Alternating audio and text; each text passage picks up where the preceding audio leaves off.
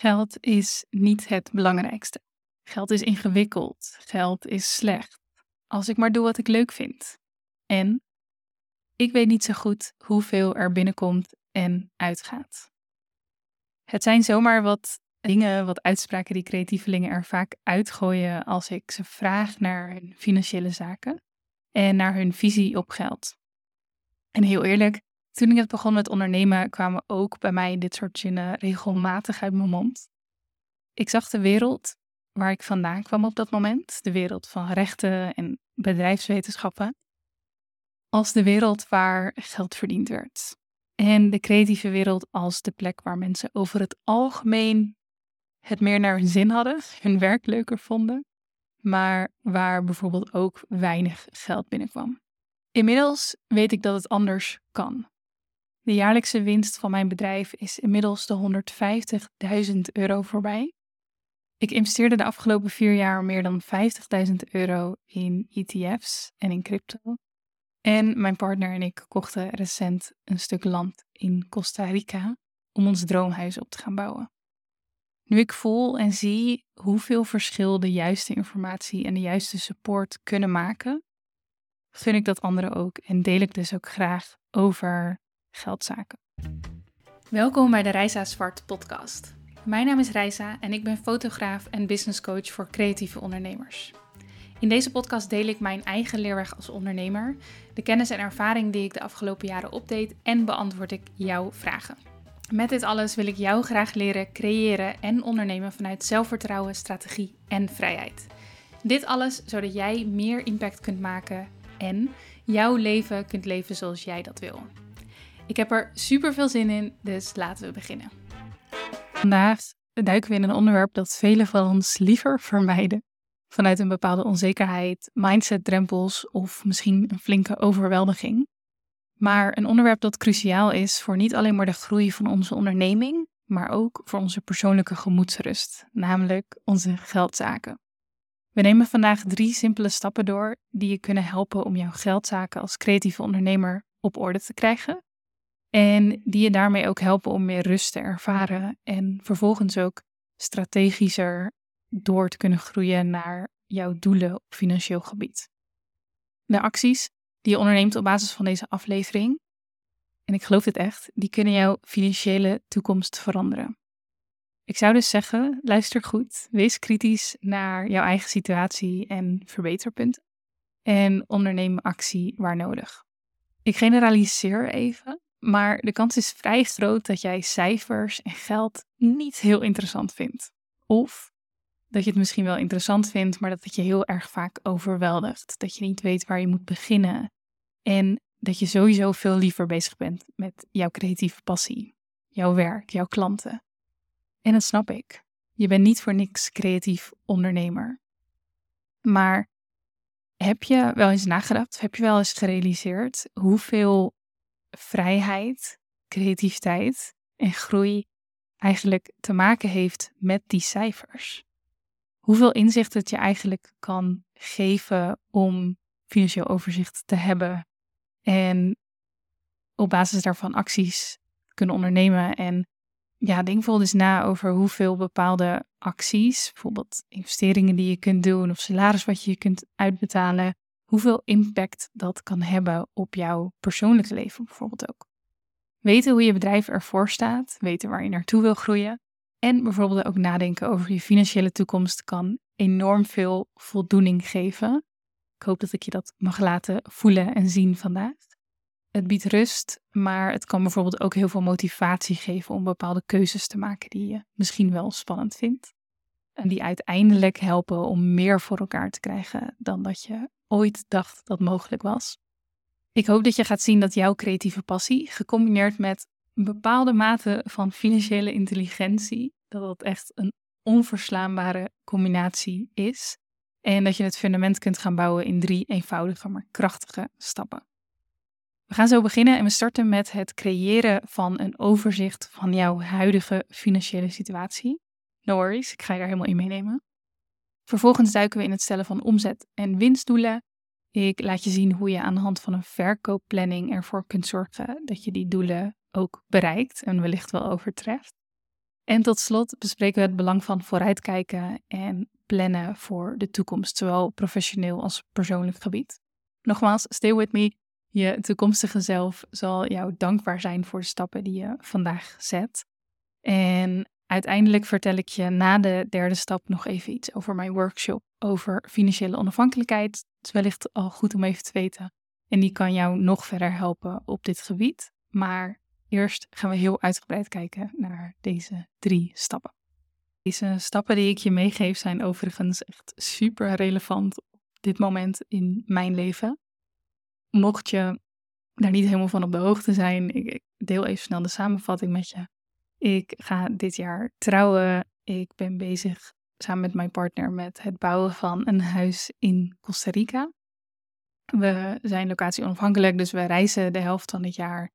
En ik kan je vertellen, dat is best veel bij elkaar. Um, er komt financieel een hoop bij kijken. Het gaat over hoge bedragen. En ik merk dan ook dat ik regelmatig en vaker dan normaal terug moet naar, ik noem het altijd de tekentafel. En dat ik dus elke keer weer voor mezelf het overzicht moet creëren. En ook um, even vooruitlopend op de volgende stappen die ik je meegeef. Ook werken aan de doelen, denken aan de toekomst en dat soort dingen. En in die zin zijn dit dus ook niet stappen die je één keer goed neerzet of één keer goed doet en dan voor altijd maar goed staan. Bij elk soort van level dat je tegenkomt, uh, bij elke keer dat je buiten je comfortzone stapt, zul je ze weer opnieuw na moeten gaan. En ik merk heel goed aan mezelf wanneer ik um, bijvoorbeeld heel onrustig voel, wanneer ik me wat angstig voel rondom financiën en dat soort dingen. Dat ik ja, echt deze stappen weer even door moet om die rust te voelen, om die voldoening te voelen en om verder te kunnen en om te weten welke acties ik kan ondernemen. En ja, ik, ik voel dan ook echt dat deze stappen die ik hier meegeef en de skills die erbij komen kijken, dat die zo enorm waardevol zijn en dat je die ja, je hele leven eigenlijk blijft doorlopen, optimaliseren en dat je erin wilt blijven groeien. En dat als je dat niet doet, dat je jezelf dan echt tekort doet. Dus dat je dan te veel stress ervaart. Dat je dan misschien jezelf klein houdt op financieel gebied. Of dat je je kop in het zand steekt op het gebied van je toekomst. En nou ja, dat zijn natuurlijk allemaal dingen die uiteindelijk mogelijk geen goede afloop hebben. Dus ja, zelf wil ik hier echt in blijven groeien. Ook al is het absoluut af en toe ontzettend oncomfortabel. Werkt het toch heel goed of is het eigenlijk uiteindelijk de enige manier om toch gewoon heel eerlijk te zijn naar jezelf en dus overzicht te creëren en vervolgens jezelf toe te staan om doelen te stellen en daar naartoe te werken, maar gewoon ja, eerlijk te blijven zijn, met name als het aankomt op financiën.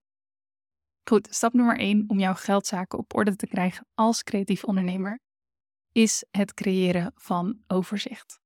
Het is een simpele, logische eerste stap die we denk ik maar wat te vaak overslaan. Het creëren van overzicht en dus een besef laten ontstaan van waar jij op dit moment staat, financieel gezien, kan namelijk best confronterend zijn, oncomfortabel, maar wel heel erg nodig. Nodig voor rust in je hoofd, zodat je niet bang hoeft te zijn voor bijvoorbeeld een onverwachte belastingaanslag. Maar ook dat je precies weet hoe lang jij jouw eigen salaris bijvoorbeeld kunt betalen. Dus voor hoeveel maanden jij salaris hebt staan op je zakelijke rekening. Overzicht is tot slot ook heel erg waardevol op strategisch gebied, omdat je dan bijvoorbeeld ook heel goed weet of je een bepaalde investering kan doen en of het slim is om een bepaalde investering te doen. Maar dat je bijvoorbeeld ook kunt zien hoeveel meer jij om moet zetten om een bepaald salaris te kunnen bewerkstelligen of dus die investering te doen. En mijn favoriete manier van overzicht creëren wordt besproken in het boek Profit First. Daar heb je misschien al eerder over gehoord. Sowieso een boek dat ik zou aanraden aan elke ondernemer, wat mij betreft verplichte kost. En ik wil je dus ook zeker verwijzen naar dat boek in plaats van dat ik opnieuw het wiel ga proberen uit te vinden. Zo goed is dat boek. Um, dat ga ik niet overtreffen. Dus ik verwijs je voornamelijk naar dat boek. Maar ik ga je natuurlijk uiteraard wel alvast een, ja, je kunt het een sneak peek noemen die, die ik daarvan ga geven. Wat tips mee ga geven waarop jij financieel overzicht kan creëren. Um, en dat is bijvoorbeeld door te starten met het scheiden van je zakelijke en persoonlijke financiën, als je dat nog niet gedaan hebt. Dus dat betekent dat je minimaal een aparte rekening voor je onderneming wil hebben. Dat het dus niet dezelfde rekening is als je persoonlijke rekening. En dat je geen persoonlijke aankopen meer doet met zakelijk geld en andersom. Tip nummer twee, stap nummer twee, is jezelf een salaris uit gaan betalen. En het liefst is dat een vast salaris, wat mij betreft. Zelfs als je um, bijvoorbeeld werk ernaast doet in loondienst, um, raad ik dat nog aan, zodat je een eerlijker beeld krijgt van hoe goed jouw bedrijf het op dit moment doet. Zoals jij altijd maar aan het werk bent als ondernemer, aan het werk bent binnen je bedrijf, maar er nooit geld uithaalt, als dat niet kan, dan zou ik dat geen gezond bedrijf noemen. Want die uren die jij erin stopt, moeten natuurlijk ook betaald worden. Dus dat geeft eigenlijk op een hele praktische, resultaatgerichte manier overzicht in hoe je bedrijf ervoor staat. Kleine nuance daarbij is dat het op het begin, dus als jij net jouw onderneming start, uiteraard oké is om hetgene dat je verdient te investeren in je bedrijf. Snap ik, heb ik ook gedaan op het begin. Maar ik zou jezelf echt zo snel mogelijk aanleren om ja, jezelf salaris uit te betalen. En niet zomaar wat geld uit je bedrijf te pakken wanneer nodig. Wat ik heel veel om me heen hoor. Wat je tot slot ook wil doen is bijhouden wat er in je bedrijf binnenkomt en uitgaat. En deze klinkt simpeler dan het eh, misschien is. Zeker als je bedrijf wat complexer is, meerdere verdienmodellen en abonnementen hier en daar en dat soort dingen. In principe heb je hele fijne boekhoudprogramma's die je kunnen helpen om overzicht te houden en precies te kunnen zien wat er inkomt. Dus wat je factureert of wat er aan bestellingen binnenkomt in bijvoorbeeld een webshop systeem. En wat er uitgaat. Dus de abonnementen die je betaalt, misschien mensen die je inhuurt, software die je gebruikt en dat soort dingen. Dus een boekhoudprogramma is mega fijn. Denk bijvoorbeeld aan een programma als Moneybird of Paperdork. En of een boekhouder die je hierbij helpt. Wat ik daarbij wil benadrukken is dat het heel erg belangrijk is om goed zicht te houden op je cashflow.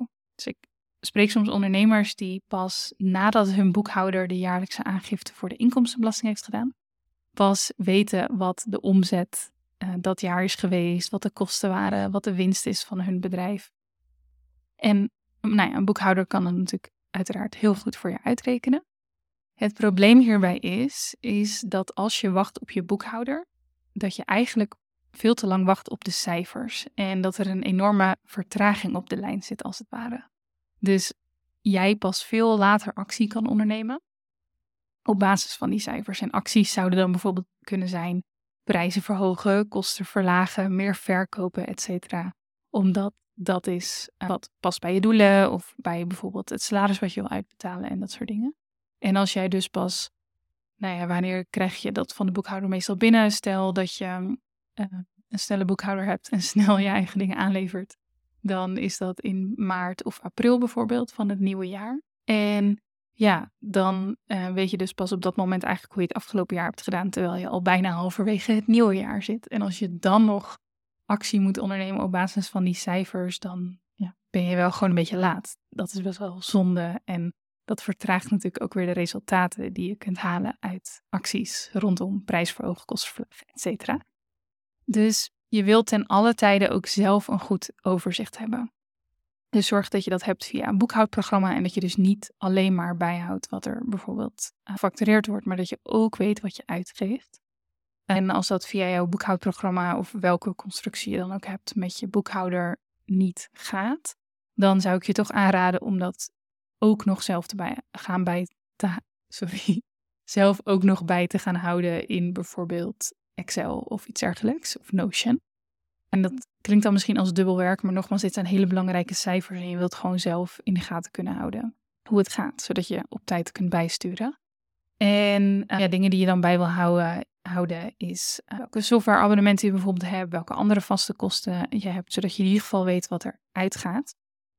En ik noemde de methode net al even, maar de allermakkelijkste manier om overzicht te houden is eigenlijk die Profit First methode. Mocht je die niet kennen, dat is een methode waarbij je uitrekent hoeveel procent van jouw omzet gaat naar jouw salaris, jouw kosten, maar bijvoorbeeld ook de belastingdienst. Leuke extra is dat het ook een bepaald systeem bevat voor winstuitkering. Dus dat je zelf niet alleen maar salaris uitbetaalt, maar ook een winstuitkering op basis van resultaat. Werkt natuurlijk heel motiverend. Ja, hele toffe, fijne methode en echt voor iedereen heel erg goed te doen. Dus ook als financiën en uh, dit soort dingen, als dat je onzeker maakt of wat overweldiging bij komt kijken, dan, dan ook of dan juist zou ik de methode aanraden, omdat het ja, stap voor stap heel makkelijk wordt gemaakt om overzicht te creëren en om ook overzicht te houden. Ja, voor mij heeft echt heel veel veranderd dat ik, hoe, weet niet hoeveel jaar geleden, ben gestart met die methode. Dus dat boek, het is een Nederlands boek, aangepast op, de Nederlandse, uh, op het Nederlandse belastingstelsel en dergelijke. En die kun je heel erg gemakkelijk bestellen op bol.com. Ik zet ook even een link in de show notes. En als je via die link bestelt, dat is een affiliate link, dan krijg ik een kleine commissie daarover. Kost jou niks extra's, maar is voor mij een fijne manier om ja, iets extra's te verdienen aan de podcast. Dus mocht je dat leuk vinden, kun je in de show notes die link vinden en dan kun je Profit First bestellen. Ik zou zeggen, begin met hetgeen waar voor jou op dit moment de meeste winst ligt binnen het creëren van financieel overzicht. Ik heb net een aantal manieren meegegeven om dat op te zetten. En nou ja, misschien ben je al wat verder in je onderneming en heb je het bijna allemaal al staan. En misschien begin je net. Dus ik wil nog even kort aanhalen wat goed is om te doen op welk moment in je bedrijf.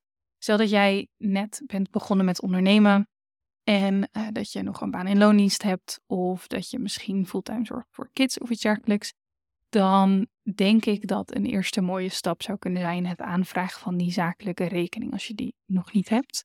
Ik vind zelf knap een hele fijne partij daarvoor en die werkt ook heel goed met de Profit First methode. Tweede stap kan zijn dat je eens op gaat schrijven wat precies jouw vaste kosten per maand of jaar zijn voor wellicht al bepaalde softwareabonnementen die je nodig hebt voor je bedrijf. Of je kunt ook eens opschrijven wat je verwacht dat over een paar maanden dat je maandelijks zou moeten gaan betalen voor bepaalde software die je wil gebruiken, maar misschien nu nog niet in hebt geïnvesteerd.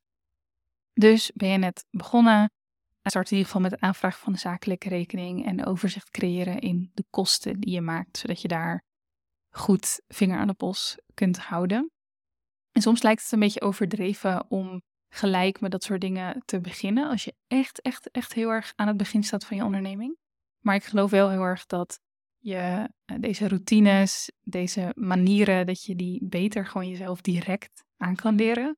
Omdat als je eenmaal begonnen bent en het wordt, wordt wat complexer, dan is het moeilijk, moeilijker, helemaal niet uh, onmogelijk, maar moeilijker om uh, ja, jezelf dat aan te leren en eerst overzicht te creëren en daarna overzicht te houden. Als je gewoon gelijk goed begint, dan um, heb je daar uiteindelijk heel veel winst van.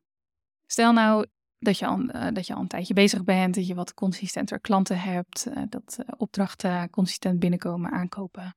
Dan zou ik sowieso starten met jezelf een salaris uitbetalen als je dat nog niet doet. Ook al is dat op het begin een laag bedrag. Dus misschien heb je wel al wat consistentie in klanten of opdrachten, of nou, komen die hier en daar binnen. Um, maar um, levert dat nog niet een megabedrag op, dan zou ik je toch aanraden om al te beginnen met een salaris uitbetalen om dezelfde reden die ik net noemde. Je kunt maar beter jezelf direct de juiste routines aanleren.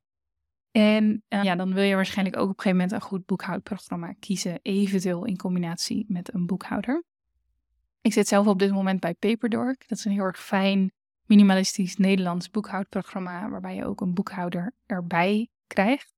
Krijgt, daar betaal je uiteraard voor, maar ze rekenen een, uh, vind ik, een hele nette prijs voor wat ze leveren. En het is een mooie combinatie van een boekhouder en een boekhoudprogramma.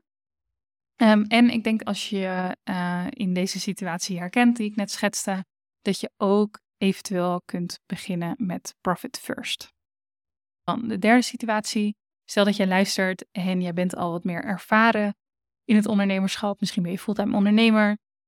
Of je bent in ieder geval in een punt waar, waar er echt meer consistentie zit in je werk en alles wat ik net al noemde al netjes staat. Dan zou ik zeggen, ga absoluut aan de slag met Profit First als je dat nog niet toepast. Als je wel al met Profit First werkt, dan is dit wellicht een mooie reminder om eens te checken of jouw percentages nog helemaal kloppen. En dat kun je waarschijnlijk best wel goed doen door weer even het boek erbij te pakken en uh, bijvoorbeeld aan de hand van je cijfers van afgelopen jaar te kijken of alles nog klopt. Wat natuurlijk ook altijd een goede graadmeter is, is hoe goed de methode in de praktijk werkt. Dus stel dat jij ziet ehm, dat bepaalde rekeningen binnen die Profit First methode, of eigenlijk binnen, binnen jouw rekeningen, natuurlijk jouw potjes. Als jij ziet dat er binnen een van die potjes veel of te weinig geld zit structureel, dan uh, klopt er waarschijnlijk ook iets niet in die percentages. Dus dan mag je weer even terug naar de tekentafel, mag je weer even opnieuw gaan rekenen. En als je ook al met Profit First werkt een tijdje en het gaat goed, dan is het wellicht ook tof om te gaan kijken hoe je het winstpercentage kunt gaan verhogen. Net als je salaris, uiteraard. En dat betekent natuurlijk dat jouw kosten omlaag moeten.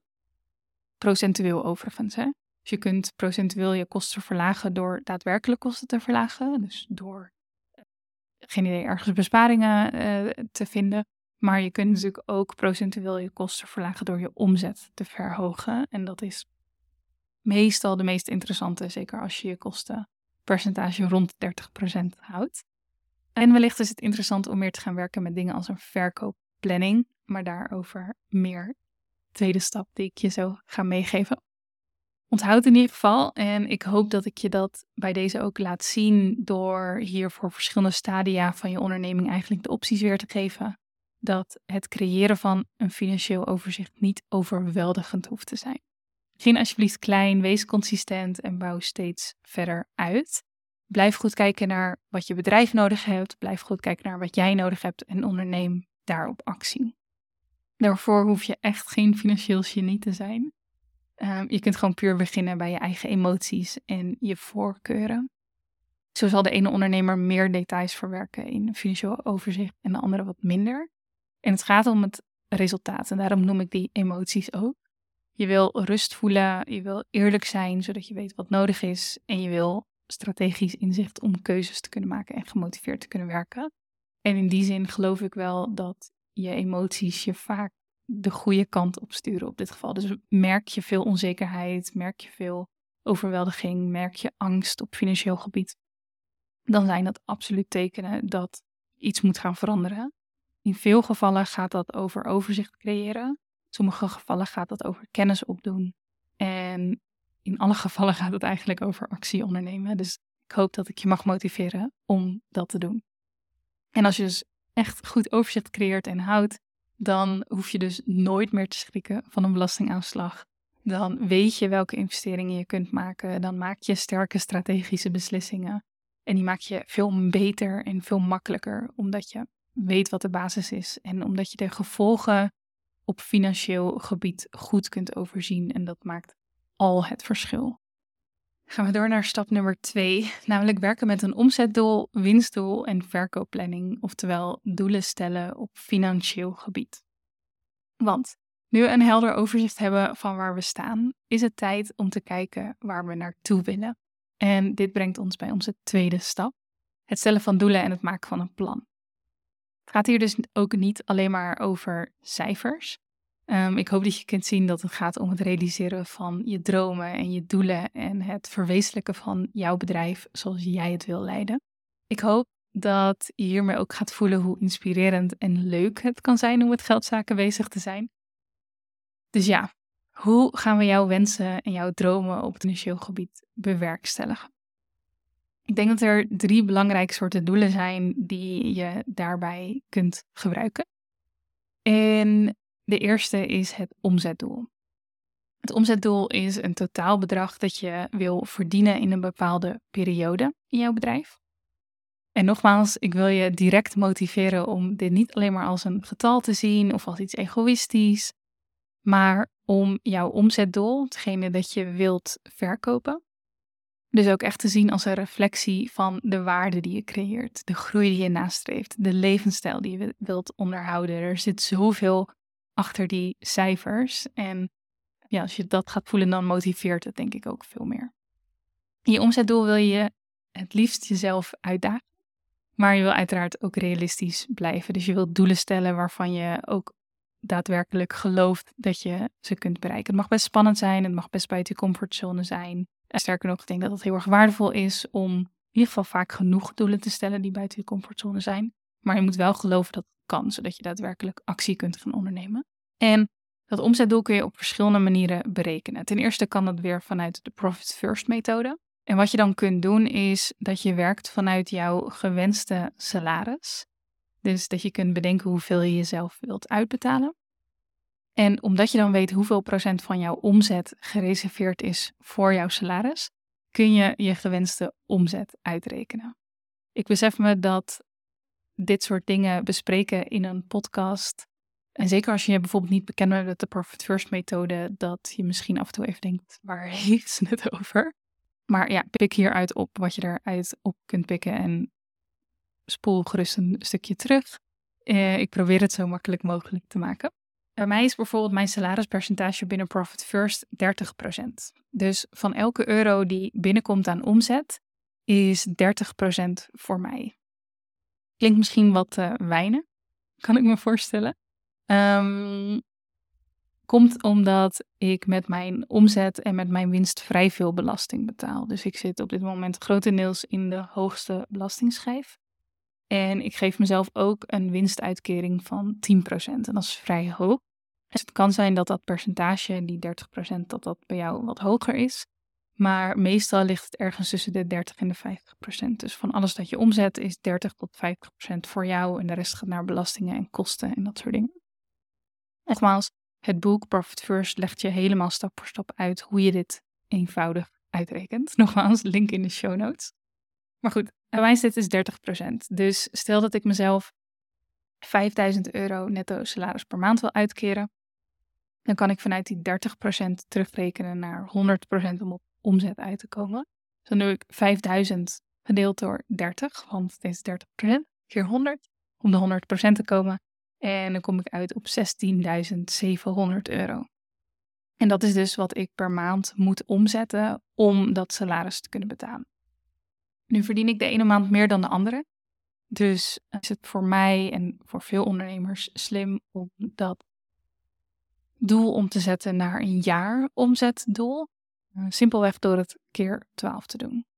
Mocht je nou niet met Profit First werken of dat niet willen, dan kun je je omzetdoel ook anders berekenen of enigszins inschatten. Dat kun je doen op basis van bijvoorbeeld vorige jaar omzetten. Dus dat je kijkt naar wat ik de afgelopen jaren omgezet, welke groei zat erin en ja, hoe wil ik dat die groei er aankomende jaar uitziet.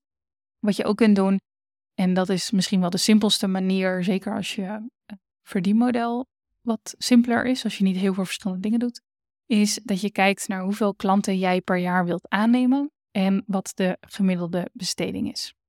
Je mist dan wel het deel rondom wat je jezelf precies kunt uitbetalen. Dus dat is dan wel goed om nog uit te rekenen aan de hand van de kosten die je hebt en de belastingdruk. Met alleen het omzetdoel ben je er nog niet. Om de financiële doelen compleet te maken, uh, werken de meeste ondernemers het beste ook met een winstdoel en een verkoopplanning. De omzet gaat natuurlijk over hoeveel geld er binnenkomt, maar jouw winstdoel vertelt eigenlijk hoeveel geld er daadwerkelijk overblijft nadat alle kosten zijn betaald. Even voor de duidelijkheid, we hebben het hier over een boekhoudkundige winst. Dus wat je als je een eenmanszaak hebt, eigenlijk wordt vertekend als je bruto salaris. En dan moet dus vervolgens wel nog belasting over betaald worden. En dit is iets anders dan de Profit First winstuitkering. Die heeft niks te maken met je boekhoudkundige winst. En ja, wat mij betreft is een winstdoel ook minder belangrijk als je met Profit First werkt, omdat je dan aan de hand van je kostenpercentage eigenlijk precies weet wat je uit kunt geven. Werk je niet met die methode, dan is um, het winstdoel dus des te waardevoller. En wat je dan kunt doen, is dat je vanuit je omzetdoel en de vaste kosten die je hebt, die heb je misschien wel uitgerekend bij stap 1. Dat je daarbij kunt optellen wat jij wilt uitgeven aan bijvoorbeeld trainingen en coachingen, dus wat je aan investeringen wilt doen. Um, en daarmee kun je dan jouw winstdoel uitwerken. Je hoeft overigens natuurlijk niet deze hele winst aan jezelf uit te betalen als salaris. Je kunt ook een deel ervan binnen je bedrijf houden als buffer voor de komende jaren. En de derde tool is een verkoopplanning. Met je omzetdoel en eventuele winstdoel helder is de volgende stap namelijk plannen hoe je ze gaat bereiken, hoe je tot die cijfers komt. En dat noemen we je verkoopplanning. Een soort van jouw routekaart voor het jaar waarin staat wat je gaat verkopen, wanneer en hoe je het van plan bent om te gaan verkopen. Zo'n verkoopplanning Voor sommige ondernemers, sommige creatieve ondernemers, is die vrij simpel. Neem even het voorbeeld van een wedding planner. Um, als je wedding planner bent, dan wil je waarschijnlijk voornamelijk bedenken hoeveel klanten tegen welk bestedingsbedrag je wilt aannemen. En omdat je dan waarschijnlijk de meeste aanvragen krijgt van, nou laten zeggen na de zomer tot begin voorjaar, kun je ervoor kiezen om dan extra marketing te doen. En dat is dan eigenlijk je verkoopplanning. Kan ook wat complexer zijn. Zeker als je net als ik een divers aanbod hebt. Dus ik verkoop fotografiediensten en producten. Ik verkoop coaching. Ik doe hier en daar een workshop, een retreat, online trainingen. En bij sommige van die producten of diensten is uh, de verkoop wat meer passief. Maar zijn er bijvoorbeeld wel bepaalde dingen die ik moet bijhouden en updaten die ik dan inplan. Uh, maar in principe denk ik over heel veel dingen na wat betreft wanneer het goed is om ze te verkopen, wanneer ik er content over wil maken. Dus denk bijvoorbeeld aan een training die ik lanceer. Dan ga ik dus van tevoren nadenken over wanneer ik die lanceer en ook hoeveel plekken ik wil verkopen, hoeveel ik daarmee ga verdienen. Wanneer ik dus moet beginnen met het maken van content om mensen op te warmen. En zo uitgebreid kan een verkoopplanning uiteindelijk ook zijn. Ik zie het als een soort van uh, puzzel met allerlei variabelen. Waarbij ik uit wil komen op een verkoopplanning die past bij de werkdruk die ik fijn vind. Heeft dus te maken met hoeveel coachingklanten ik wil, maar ook uh, hoe vaak ik lanceer en dergelijke. En ik wil natuurlijk dat die verkoopplanning uiteindelijk leidt tot de juiste omzet en de juiste winst, zodat ik mijn gewenste salaris kan betalen.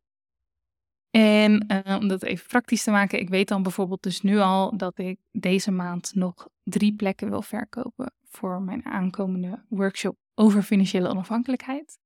Ik weet ook dat ik de maand erna bijvoorbeeld plek heb en het liefst één mentortraject kan en wil verkopen voor verderop in het jaar. Ik weet bijvoorbeeld dat ik nog voor zo'n 5000 euro aan fotografieopdrachten moet binnenhalen. Uh, rekening houden met wat er al staat. En vervolgens kan ik daar dus mijn marketingactiviteiten, zoals nieuwsbrieven, podcastafleveringen en mijn content op Instagram aanpassen. Die kracht ligt vanzelfsprekend niet alleen maar in het plannen, maar natuurlijk ook in de uitvoering. Dus het gaat erom dat je actie onderneemt, dat je experimenteert, dat je leert van je successen, maar ook dingen die mislukken. Het mooie is, je hoeft het niet perfect te doen. Het gaat erom dat je begint, dat je bijstuurt waar nodig en dat je eigenlijk blijft groeien kan in mijn geval dus ook prima zijn dat ik bijvoorbeeld voor 4000 euro aan fotografieopdrachten binnenhaal, maar dat ik ervoor kies om dan uiteindelijk twee extra mentorsessies te geven, waardoor die 1000 euro die ik mis in de fotografie eigenlijk ergens anders verdien. En zo zie je, of zo hoop ik je te kunnen laten zien, dat plan, die verkoopplanning, die hoeft dus niet 100% uit te komen. Daar gaat het niet om. Het gaat niet om perfectie. Het gaat erom dat als ik dat plan maak, dat ik dan meer ideeën krijg en dat het me aanzet tot actie en dat ik dus. Ook bij deze stap wil ik weer even de nuance meegeven dat jij deze stap, dus rondom het stellen van doelen op financieel gebied, dat je die mag gaan toepassen op basis van jouw behoeftes en op basis van jouw situatie. Dus begin met een stap die nu bij je past en onthoud of plan de andere voor in de toekomst.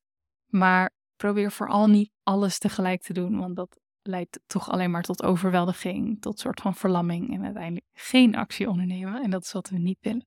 Dus maak de eerste stap klein genoeg, zodat je hier echt mee aan de slag kunt.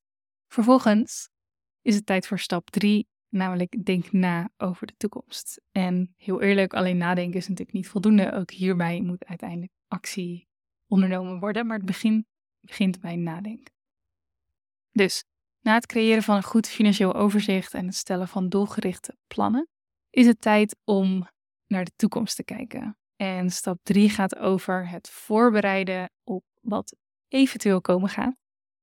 Oftewel na te denken over onze toekomst als creatief ondernemer. En ook hier kun je weer simpel beginnen en steeds verder uitbouwen aan de hand van waar je staat in je bedrijf en in je leven. Allereerst wil ik het met je hebben over het creëren van een buffer. Ik noemde al eerder dat je niet alle boekhoudkundige winst uit je bedrijf hoeft te halen, maar het er ook deels in kan laten zitten. In eerste instantie kun je bijvoorbeeld simpelweg proberen om steeds wat meer geld op de rekening te hebben staan. maar al snel is het waardevol om potjes te creëren. Ik val in herhaling, maar iets dat opnieuw valt binnen Profit First, zelfs de basis ervan vormt. Maar je kunt dat uiteraard ook op je eigen manier doen. Zo wil je bijvoorbeeld sowieso belasting aan de kant zetten, zowel BTW als inkomstenbelasting. maar kun je natuurlijk ook zorgen voor een buffer voor kosten en investering. En kun je een salarisbuffer aanleggen. Zelf probeer ik die altijd rond de drie maanden salaris te houden. Dan zijn er nog twee grote onderdelen die ik binnen deze stap met je wil bespreken, namelijk arbeidsongeschiktheid en vermogens/pensioensopbouw. We gaan richting het einde, dus ik zou zeggen stay with me. Of als je zegt, ik heb wel een beetje genoeg gehad, je kunt natuurlijk ook altijd later terugkomen bij deze aflevering en even pauze nemen. Goed, beginnen bij arbeidsongeschiktheid. Oftewel, wat gebeurt er op het moment dat je niet kunt werken? Als je in loondienst werkt, dan is dit een stukje simpeler of zijn er wat minder opties. Je krijgt dan in principe twee jaar loon doorbetaald door je werkgever als je uh, ziek zou zijn, als je om een bepaalde reden niet kan werken. En als je na die twee jaar dan nog steeds arbeidsongeschikt bent, dan heb je in bijna alle gevallen recht op een uitkering. Als ondernemer zit dat echter anders. Dan heb je meestal geen recht op een uitkering. Enkele uitzonderlijke gevallen wel, maar uh, zolang je vermogen hebt of een partner die geld verdient, ja, vis je er meestal uh, naast, zeg maar. En dien je dus zelf dit risico af te dekken. Op het moment van het opnemen van deze podcast weet ik dat er over enkele jaren waarschijnlijk een verplichte arbeidsongeschiktheidsverzekering komt voor ondernemers. Daar heb je misschien wel eens van gehoord. Maar kan nog even duren. En het probleem nu is voornamelijk dat arbeidsongeschiktheidsverzekeringen voor ondernemers vaak best duur zijn. En ik weet dat daardoor veel ondernemers ze niet afsluiten. Weet echter dat er alternatieven zijn. Zelf zit ik bijvoorbeeld al een aantal jaar bij Share People. En dat is een soort online broodfonds. Crowdsurance noemen ze het, geloof ik. Waarmee je als ondernemers elkaar als het ware verzekert. En dat is wat goedkoper dan een traditionele uh, arbeidsongeschiktheidsverzekering. En je hebt ook iets meer uh, keuze. Je kunt bijvoorbeeld kiezen tussen je kunt sowieso kiezen voor een bepaald inkomensniveau wat je wil afdekken. En je kunt kiezen tussen alleen de eerste twee jaar afdekken. Of tot aan je pensioen jezelf verzekeren. Alles is online te regelen. Ik vind het tot nu toe een hele fijne partij. Moet ik wel zeggen dat ik er gelukkig zelf nog geen gebruik van heb hoeven maken. Dus dat ik alleen anderen ondersteun. Nuance hierbij is trouwens, dat ik je even meegeven, en ik kon het ook niet direct vinden, maar ik weet niet exact hoe het werkt bij Share People wanneer je zwanger bent. Ik weet bijvoorbeeld sowieso dat je een uitkering krijgt als zelfstandige bij zwangerschap, maar dat sommige uh, verzekeringen die ook aanvullen, en ik weet niet zeker of dat bij Share People ook zo is. Ik denk het eerlijk gezegd niet, maar ik kon het niet zo snel vinden. Dat is in ieder geval zeker de moeite waard om natuurlijk even uit te zoeken als je een kinderwens hebt. Uiteindelijk is het trouwens mijn eigen persoonlijke doel om voldoende eigen vermogen op te bouwen en meerdere passieve inkomstenstromen op te zetten die uiteindelijk nog onafhankelijker zijn van mij, zodat ik dit risico zelf kan afdekken en dus ook geen verzekering meer nodig heb op dat gebied. Vraag is, moet je dit nu gelijk doen als je onderneemt? Want Share People is goedkoper, maar het zijn natuurlijk alsnog kosten. Dus ja, moet je je aansluiten bij Share People als je begint met ondernemen of iets vergelijkbaars, of moet je een arbeidsongeschiktheidsverzekering afsluiten? Ik denk dat je het risico voor jezelf moet afwegen. Als jij gedeeltelijk in loondienst bent en je kunt daar voldoende op leunen, en in het geval van arbeidsongeschiktheid kun je daar dan bijvoorbeeld misschien mee wachten. Als je voldoende vermogen hebt, is het wellicht ook niet nodig. Of als jouw partner hoofdverdiener is, en uh, jullie goede verzekeringen afgesloten en je partner wel arbeidsongeschiktheid verzekerd is, dan is het wellicht ook niet direct nodig.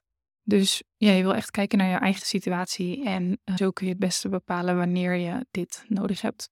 En dit kun je uiteraard ook altijd even overleggen met een financieel adviseur als je die hebt. Dus bijvoorbeeld degene die jou geholpen heeft met aankopen van een huis of iets dergelijks. Laatste punt is vermogensopbouw of pensioenopbouw als creatief ondernemer. En ook dat is namelijk je eigen verantwoordelijkheid, je pensioen. Nu heb ik hier zelf, nou ja, ik zou zeggen niet een hele conservatieve visie op. Dus hou er rekening mee dat mijn adviezen natuurlijk gebaseerd zijn op hoe ik naar geld kijk en hoe ik in dit geval naar pensioen en vermogen kijk. Ik geloof zelf niet zo heel erg in een traditioneel pensioenfonds of je pensioenopbouw uitbesteden. Dat zijn namelijk beide een soort van kant-en-klare oplossingen over het algemeen, die wellicht voor een deel van mensen prima werkt, maar voor een heel groot deel niet. Zelf ben ik bijvoorbeeld ooit begonnen met pensioensparen bij Bright Pensioen. Dat is op zich een partij die ik heel erg vertrouw, waarvan ik de visie heel erg mooi vind en waar je dus echt supergoed als ondernemer in principe een pensioen op kunt bouwen.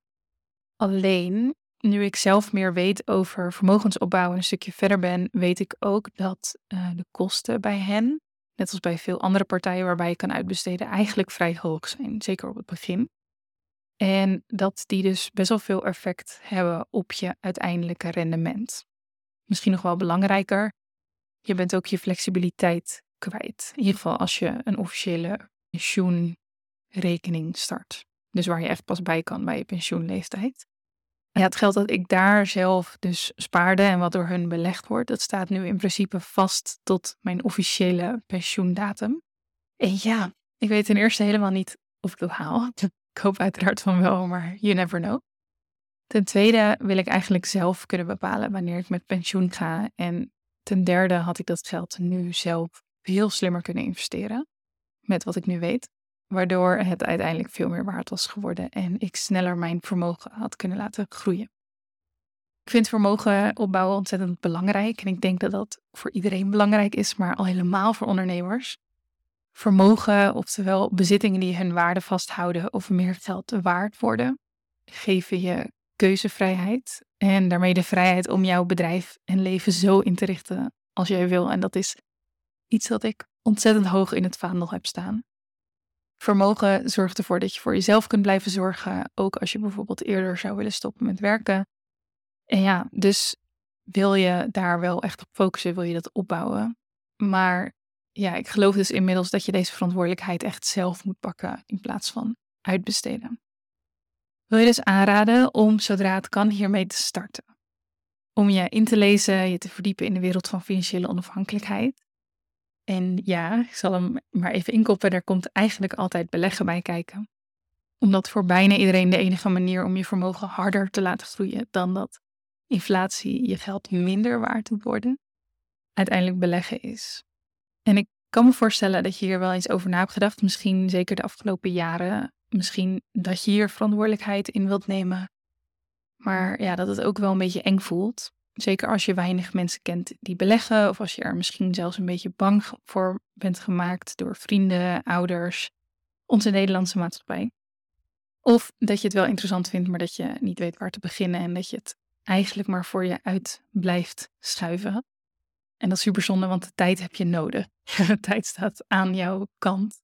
Tenminste, als je het, als je het goed inzet, je wil op tijd beginnen met beleggen, want dan is het rendement uiteindelijk het grootst. Dus ja, in beide gevallen, of jij nu wat angst voelt of wat overweldiging en dat je daardoor nog niet bent begonnen met deze reis naar vermogensgroei en beleggen en dat soort dingen.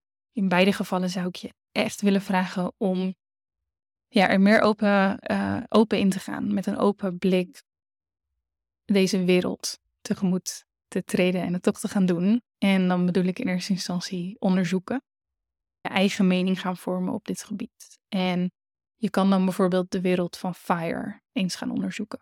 Het idee van FIRE, en FIRE staat voor Financial Independence Retire Early, vind ik zelf een heel, heel erg inspirerende filosofie. Het is eigenlijk een stroming die gericht is op verantwoordelijkheid pakken over je pensioen. Eventueel om eerder te stoppen met werken, maar ja, vooral om gewoon na te denken over hoe jij je leven wilt leven en daar actie op te ondernemen. Dus niet iedereen die hiermee bezig is, gaat eerder met pensioen. Heel veel mensen niet, alleen ze willen wel de keuzevrijheid hebben om dat te kunnen doen. En daar schaar ik mezelf ook zeker onder. Er is overigens ook een soort uh, stroming binnen deze stroming of een groep mensen die extreem gefocust is op het besparen en zoveel mogelijk investeren. Dat zijn de mensen die je vaak aan documentaires of in het nieuws ziet vanuit deze stroming, omdat dat soort van de meest extreme groep is. De mensen die niks meer uitgeven en alles investeren. Daar, uh, dat zal denk ik geen verrassing zijn, maar dat ben ik niet. Ik geloof dat er juist manieren zijn om nu het leven volop te leven, ontzettend te genieten, maar om ook over later na te denken en om echt bezig te zijn met meer vrijheid voor jezelf te creëren nu en in de toekomst. En zeker ook door bezig te zijn met vermogensopbouw en beleggen, want dat komt daar gewoon bij kijken of je dat nu leuk vindt of niet. Goed, mocht je uh, ja, nu toch nieuwsgierig worden, mocht je er toch mee aan de slag willen, nogmaals, dat kan ook dat kan beginnen met alleen onderzoek. Je hoeft niet direct actie te ondernemen in de zin van je hoeft niet direct te gaan beleggen, maar zorg in ieder geval dat je je eigen mening er omvormt, zodat je verder kunt. Ik denk dat er twee opties vooruit zijn als dit je interesse heeft. En nummer één is zelfstudie. En dan kun je bijvoorbeeld aan de slag met boeken als Miljonair met een gewone baan, Blondjes beleggen beter. Wat ik ook een heel tof boek vind is Ons geld is stuk en waarom Bitcoin de oplossing is. Je hoort het al, die gaat dan specifiek over crypto of Bitcoin moet ik zeggen. Ik zal deze boeken en nog wat andere resources ook weer linken in de show notes. Er is overigens ook een podcast die Jong Beleggen heet, waar ik vaak goede verhalen over hoor, maar waar ik zelf niet direct ervaring mee heb. Goed, ik zal het allemaal even linken voor je. Dat is de eerste optie, zelfstudie. En de tweede optie is dat je iemand inschakelt om je te helpen. En dan bedoel ik niet per se uitbesteden, daar hebben we het net over gehad. Dat blijft natuurlijk uiteraard altijd nog een optie als je echt niet comfortabel bent met het zelf doen. En denk dan aan uitbesteden aan een bank of een partij als Bright Pensioen of Brand New Day. Dat is uiteraard beter dan niks doen. Maar ja, weet dat je veel inlevert aan rendement ten opzichte van dit zelf doen. En dat dat zelf doen ja, echt beter te doen is dan dat je misschien denkt. En van wat ik inmiddels ook weet vanuit de ervaring dat ik best wel veel mensen hiermee geholpen heb, dat heel veel mensen het ook veel leuker vinden dan ze van tevoren denken.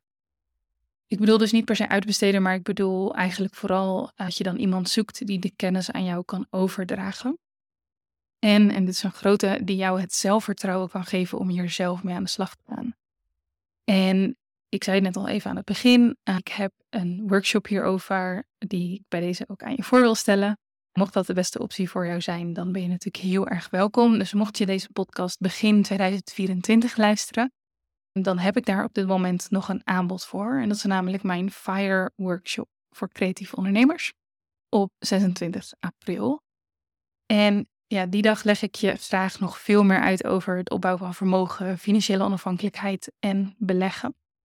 En wat ik je daar ga laten zien is dat beleggen niet eng hoeft te zijn, dat het niet enorm risicovol hoeft te zijn en dat het zelfs zo is dat je op basis van historische data met een vrij passieve, risicomijdende strategie eigenlijk juist het verst komt. Na die dag ga je met een plan de deur uit waarop staat wat jij gaat doen. Je hebt dan de kennis, je hebt het zelfvertrouwen om daadwerkelijk te gaan beleggen. En dat plan is gebaseerd op jouw eigen persoonlijke situatie. Dat doe je die dag zelf, maar je hebt, je hebt daar uiteraard mijn hulp bij. Dus dat is wat we gaan doen. Voor meer informatie ga ik je verwijzen naar mijn website. Je kunt dan gaan naar reisaswart.com slash fire-24. Nogmaals, reisaswart.com slash fire-24. Ik heb daar op het moment van opnemen nog drie plekjes voor. En op die pagina vind je wat meer informatie. Je kunt daar de brochure aanvragen. We kunnen ook altijd even bellen. En dan geef ik je graag eerlijk advies of het iets voor jou is. Mocht je die dag niet kunnen, of mocht je op zoek zijn naar uh, iemand die echt langere tijd met je meekijkt, dan zou ik je ook graag willen, willen verwijzen naar vrienden van mij, Johan en Tarinda. Zij doen uh, trajecten op dit gebied. Zij hebben bijvoorbeeld ook wel ervaring binnen vastgoed. Ik weet niet precies wat hun traject kost, maar ik weet wel dat het een, een flink hoger prijskaartje heeft dan mijn workshop. Maar nogmaals, een hele waardevolle optie om je ook in te verdiepen als je dat wil. En hun website is johanentarinda.nl. Goed, dat zijn dus een, een paar opties voor je. Van zelfstudie tot aan een workshop tot aan een traject. En ik geef je graag die opties omdat ik weet dat verschillende mensen verschillende leermethodes fijn vinden en verschillende budgetten hebben. Dus ja, dan kun je kijken wat goed bij je past. Goed, dat was een hele hoop info. Ik ga de aflevering zo afsluiten. Ik deel nog even een recap met je en wat afsluitende woorden. En dan gaan we hem echt afsluiten. We zijn in deze aflevering begonnen met um, een allereerste belangrijke stap bij het op orde krijgen van jouw geldzaken als creatief ondernemer, namelijk het creëren van een financieel overzicht. Je weet nu, misschien wist je dat al, hoe belangrijk het is om een duidelijk beeld te hebben van waar jij financieel staat, zodat je met vertrouwen en helderheid jouw creatieve onderneming kunt leiden. Vervolgens hebben we gekeken naar de verschillende doelen die je kunt stellen, zoals een omzet en een winstdoel. We hebben gekeken naar het belang van een doordachte verkoopplanning, zodat je die doelen ook echt kunt gaan behalen. Je weet dat je al deze dingen, al deze stappen op jouw eigen situatie en jouw eigen punt in jouw onderneming mag toepassen. Nogmaals, begin klein. En tot slot hebben we vooruitgekeken en nagedacht over de toekomst. We hebben het belang besproken van voorbereiden op onvoorziene omstandigheden. Denk aan die arbeidsongeschiktheidsverzekering. We hebben het ook even gehad over het strategisch opbouwen van vermogen en hoe dat kan leiden tot heel veel vrijheid en onafhankelijkheid. En ja, als jij deze drie stappen uitvoert op jouw manier, maar daar ook kritisch naar blijft kijken, kiest voor groei, dan weet ik zeker dat je steeds meer krijgt op je geldzaken. En dat je snel zult leren dat er veel meer mogelijk is dan dat je van tevoren dacht. Dat is voor mij echt de allerbelangrijkste les die ik deze afgelopen jaren heb geleerd. Door mezelf te ontwikkelen en te verdiepen in deze wereld, is er is veel meer mogelijk. En ja, de tweede les is dat je op dit gebied kunt blijven groeien. Dus nogmaals, ik, ik weet best veel op dit gebied. Ik heb best veel actie ondernomen op dit gebied.